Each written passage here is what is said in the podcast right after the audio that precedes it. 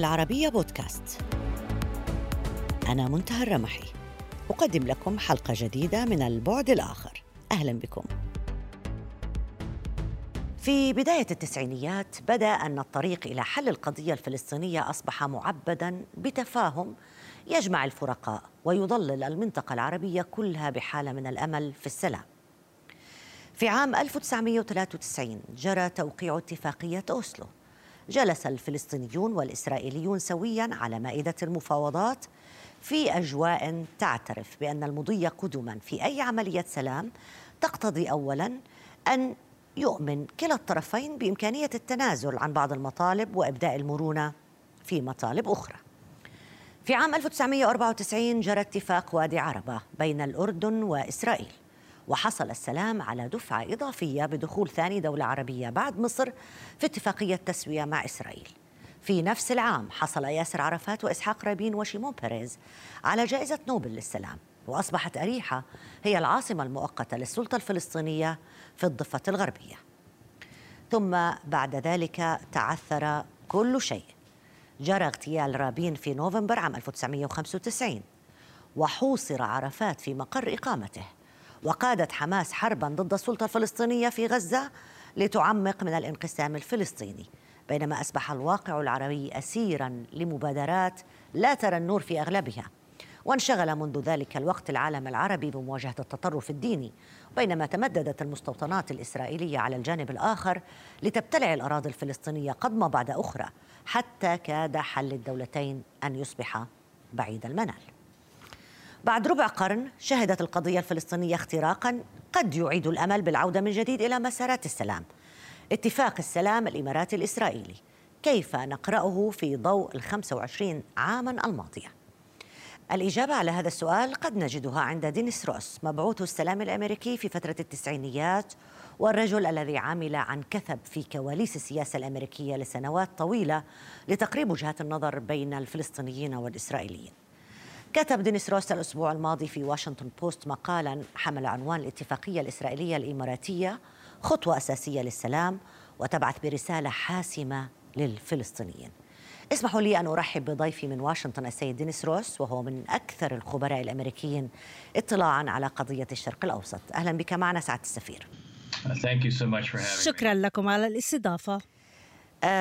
سيد روس آخر إنجازات جدية حقيقة ويمكن الإشارة إليها في ملف قضية السلام بين الفلسطينيين والإسرائيليين حدثت في التسعينيات. لم يحدث اختراق منذ ذلك الوقت حتى الآن. لماذا برأيك مر أكثر من عقدين حتى نسمع أخبار مثل أخبار اتفاقية السلام بين الإمارات وإسرائيل الآن؟ أعتقد أن هناك عدد من الإيضاحات لهذه المسألة. أحدها أنه ما من تقدم بين الإسرائيليين والفلسطينيين. آه، أحرز فيما بعد بعد كام كام ديفيد وبعد الانتفاضة الثانية.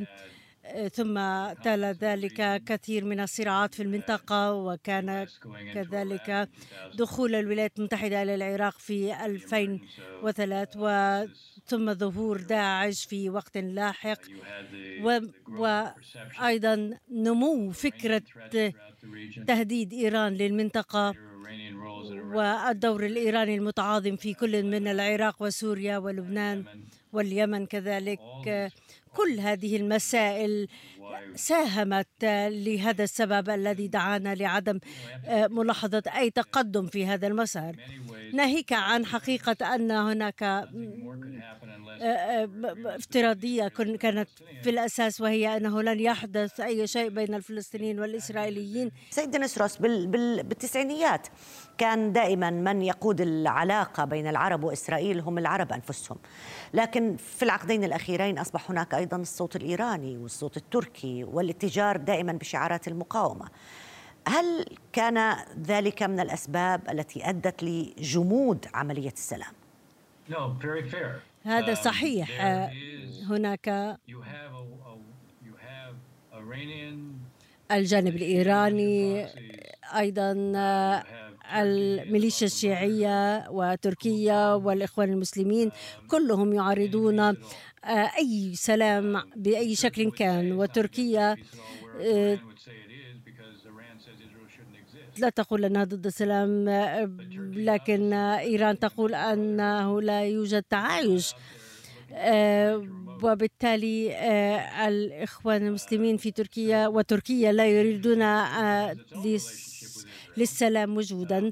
لكن لتركيا علاقات آه، مع إسرائيل ولا تريد لأحد آخر أن يكون له علاقات مع إسرائيل. آه، والمثير للاهتمام في هذه المسألة أننا نرى أن معظم المنطقة إما كانت مؤيدة للاتفاق أو كانت ضده.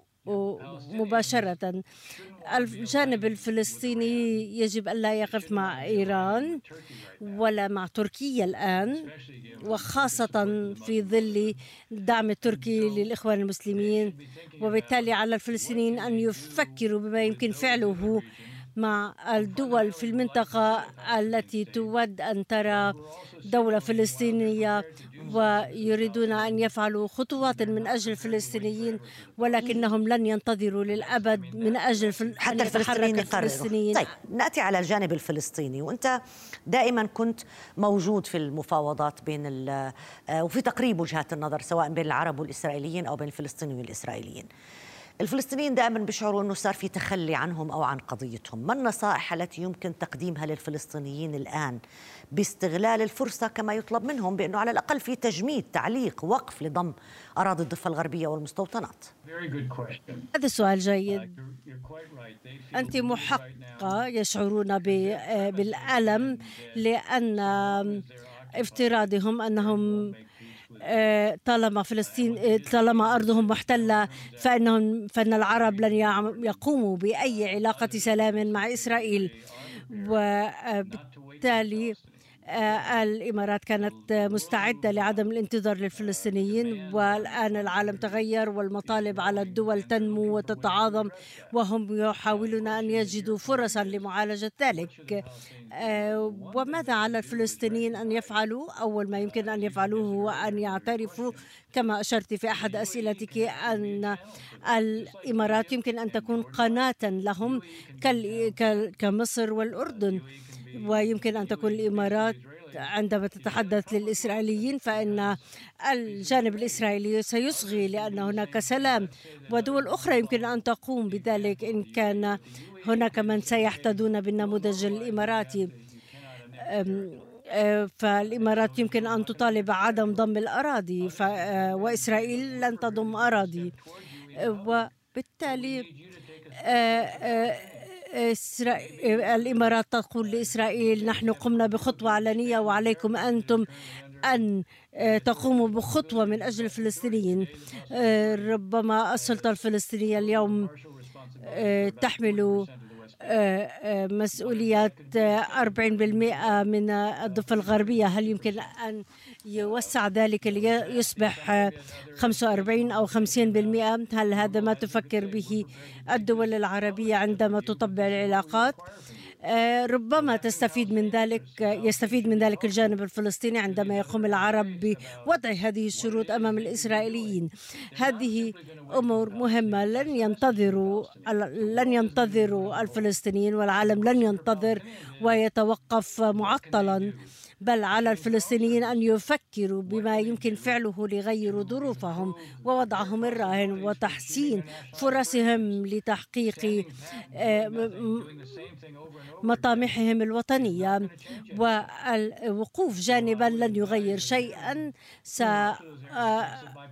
آه، نصيحتي لهم أن يتحدثوا إلى الجوانب العربية المختلفة. ليكونوا وسيطا لهم مع الإسرائيليين سنة 2017 أي, أي منذ ثلاث سنوات كتب ضيفنا سيد نسروس مقالا نشره معهد واشنطن للدراسات. المقال حمل عنوان نحو صيغة جديدة لمعالجة الصراع الإسرائيلي الفلسطيني وقال فيه قد تشكل الفرص الجديدة مع الدول العربية بالفعل جزءا من صيغة لإحراز تقدم وحل الجمود بين الإسرائيليين والفلسطينيين. سيد دينيس روسلي مقالك في عام 2017 أنت قلت أنه الصراع العربي الإسرائيلي خبى في تلك الفترة لأسباب كثيرة متعددة منها صعود داعش منها ما يحصل في سوريا منها الميليشيات الشيعية. هل تعتقد أنه قضية السلام كلها الآن أصبحت أقل أهمية؟ إحنا نتحدث على المستوى الفردي ولذلك تذهب الدول حتى تعقد اتفاقات بينية بينها وبين إسرائيل لأنه على المستوى الجماعي قضية السلام كلها أصبحت أقل أهمية. أعتقد بالفعل أن لدينا في كل دولة ستفكر بالتهديدات التي تراها أمامها وتقلقها من أجل بقائها أو لرفاهها وكلما ركزوا خاصة في دول الخليج العربي التي تركز آه، على التهديد الذي تشكله إيران وأيضا إيران مسؤولة عن هذه المصالحة بين آه، الإمارات وإسرائيل لأنهم يتشاركون بهذا التهديد التهديد الإيراني. فهم يرون تهديد إيران لهم ولا يرون أي تهديد إسرائيلي لهم. وبالتالي أصبحت إسرائيل آه، شريك فعلي. وقد تدعي إيران أنها تريد نهاية إسرائيل لكن آه، بالفعل آه، التهديد الإيراني هو الذي يسهم في دفع الأطراف نحو إسرائيل. وداعش أيضا أصبحت أولوية. التهديدات التي تراها الدول ترى أن إسرائيل قادرة على معالجتها. هذه هي المصالح المشتركة. هناك أولويات مختلفة وأيضا تداخل في المصالح. وبالتالي آه، هذا واقع. طيب. صحيح التهديدات صحيح. المباشرة هي أكثر صحيح ولكن إحنا نتحدث عن استراتيجية عامة يجب أن تعم المنطقة وهي السلام لأنه أعود وأقول مرة أخرى اتفق من الجميع على وضع خيار الحرب جانبا وخيار السلام هو الخيار الوحيد اللي يجيب التعاطي فيه في كثير من الأحيان تتركز جهود الوساطة وأنت خبير فيها آه، آه، أستاذ دينيس روس بين الإسرائيليين والفلسطينيين على وضعهم على مسار التفاوض لكن التجربة في كل السنوات الماضية أثبتت أن التفاوض من دون إرادة حقيقية للسلام يبدو عبث. هل هذه الإرادة موجودة لدى الأطراف؟ um, حاليا آه، درجة آه، عدم الثقة وعدم التصديق بين الطرفين هي التي تسيطر على الجانبين الفلسطيني والإسرائيلي فالحكومة الإسرائيلية والشعب آه، يعتقدون أن الفلسطينيين لن يقبلوا دولة إسرائيلية والشعب اليهودي وهذا وأيضا الفلسطينيين كذلك. وبالتالي لابد من بناء الثقة والصدقية بين الطرفين وإدارة ترامب حاولت أن تحل النزاع آه، في مرحلة من عدم التصديق وعدم الثقة وهذا مستحيل. علينا أن نتحرك بخطوات لبناء هذه الإمكانيات لأن يوقف الجانب الإسرائيليين بناء المستوطنات المستوطنات التي فيها تجاوز و آه، آه، كل المقترحات السلمية قبل خطة ترامب كانت تستوعب هؤلاء المستوطنين داخل آه، آه، آه، الأراضي المحددة وبالتالي عدم البناء على ما سيكون دولة فلسطينية وأيضا هذا يعني أن الفلسطينيين يريدون أن يحصلوا على هذه الأرض التي يضمها الجانب الإسرائيلي. إن توقف الجانب الإسرائيلي عن البناء خارج مناطقه فإن هذا سيكون فيه رسالة للفلسطينيين و وأيضا عندما يعترف الجانب الفلسطيني بالعلاقة التاريخية اليهودية لهذه الأرض عندها يمكن أن تعود الثقة. نحن بحاجة لأن نبدأ بجعل كل طرف أن يوجه رسالة وإشارة للجانب الآخر. سيدي نسروس المبعوث الأمريكي الأسبق من أجل السلام شكرا جزيلا لك على المشاركة معنا. ألف شكر. في أغسطس عام 2018 أي منذ عامين تقريبا كتب الدكتور عبد المنعم سعيد في صحيفة البيان مقالا قال فيه لماذا أعلنت إسرائيل فجأة أنها تمثل الدولة القومية للشعب اليهودي؟ وهل هنالك رابط بين هذه الخطوة واعتبار القدس الموحده عاصمة لإسرائيل أو التوسع الاستيطاني المحموم للضفة الغربية؟ خلاصة كل هذه الأسئلة وغيرها أنها تعبر عن حالة من الجرأة الإمبريالية الإسرائيلية التي تجعلها تسعى إلى تحقيق أحلام كان من الظن أن فيها من الجنون ما يجعلها تستمر أحلاما. اسمحوا لي أن أرحب بضيفي في الجزء الثاني من البرنامج الكاتب والمفكر السياسي الدكتور عبد المنعم سعيد. أهلا بك معنا دكتور عبد المنعم. يا مرحبا أهلا وسهلا. دكتور عبد المنعم هذه الجرأة الإمبريالية الإسرائيلية كما وصفتها في مقالك هل هي نتيجة البعد العربي عن مسألة التفاوض و أو عن واجهة التفاوض وترك عملاء على الأغلب تابعين لإيران وتركيا بحمل شعارات المقاومة والممانعة؟ القانون الأساسي للصراع العربي الإسرائيلي الممتد على مدى 100 سنة هو قدرة كل طرف على خلق حقائق على الأرض. المقال الذي أشرت إليه هو آخر مراحل إسرائيل وهي تضع حقائق على على الأرض.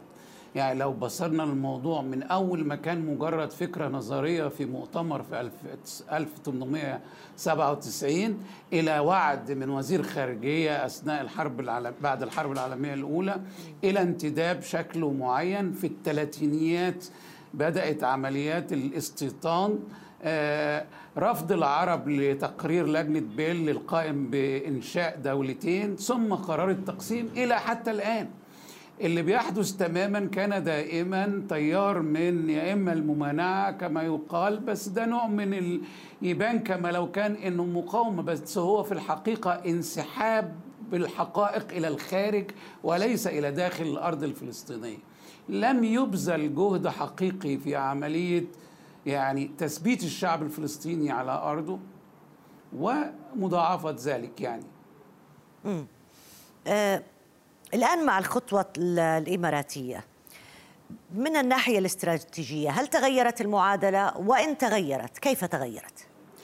أنا أولا أحيي شجاعة الموقف الإماراتي في اتخاذ هذه الخطوة ولا يخفى على أحد مما أكتبه منذ ما يقرب من أربعين عاما الآن أن هي المسألة أن نخلق حقائق على الأرض في الجانب المقابل.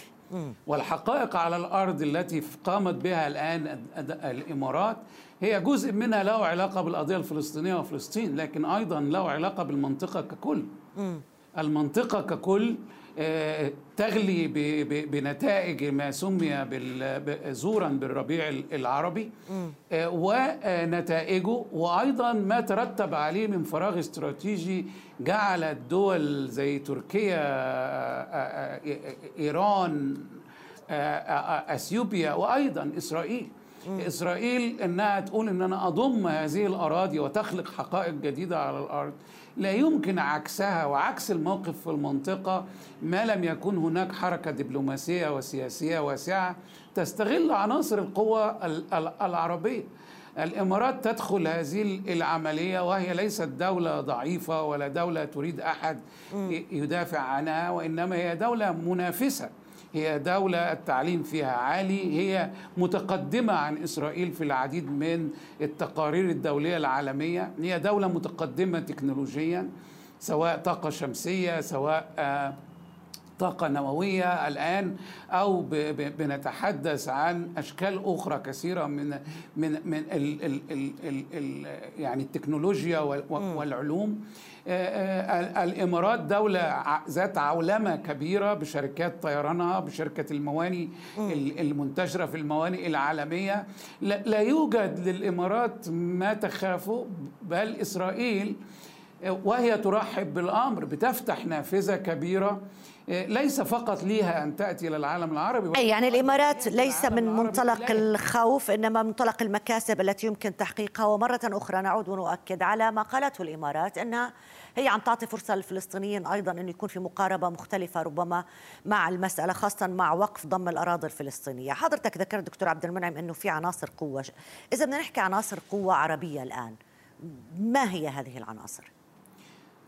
العناصر القوة العربية أولا الثقل السكاني اللي إحنا يعني الصراع مع إسرائيل كان دايما على الجغرافيا. بينما لم نضع الديموغرافيا في الحساب. السقف الديموغرافي لإسرائيل هو 15 مليون يهودي في العالم كله. بينما السقف الديموغرافي للعالم العربي هو 350 مليون. إذا أردنا تفعيله بالصناعة والعلم والتكنولوجيا وإلى آخره من عناصر دعم القوة العربية. نحن نحيط بإسرائيل من جميع الجهات في كل الأحوال. ما بين النهر والبحر داخل أرض فلسطين التاريخية يوجد 6 مليون إسرائيلي يهودي يعني ويوجد 6 مليون عربي. هؤلاء الستة مليون عربي يتناقصوا بسبب الهجرة وبسبب إن إحنا لا ندعمهم ولا نذهب إليهم. نحن نغني للقدس ولا نذهب للقدس. نحن نغني بالناصرة ولا نذهب للناصرة.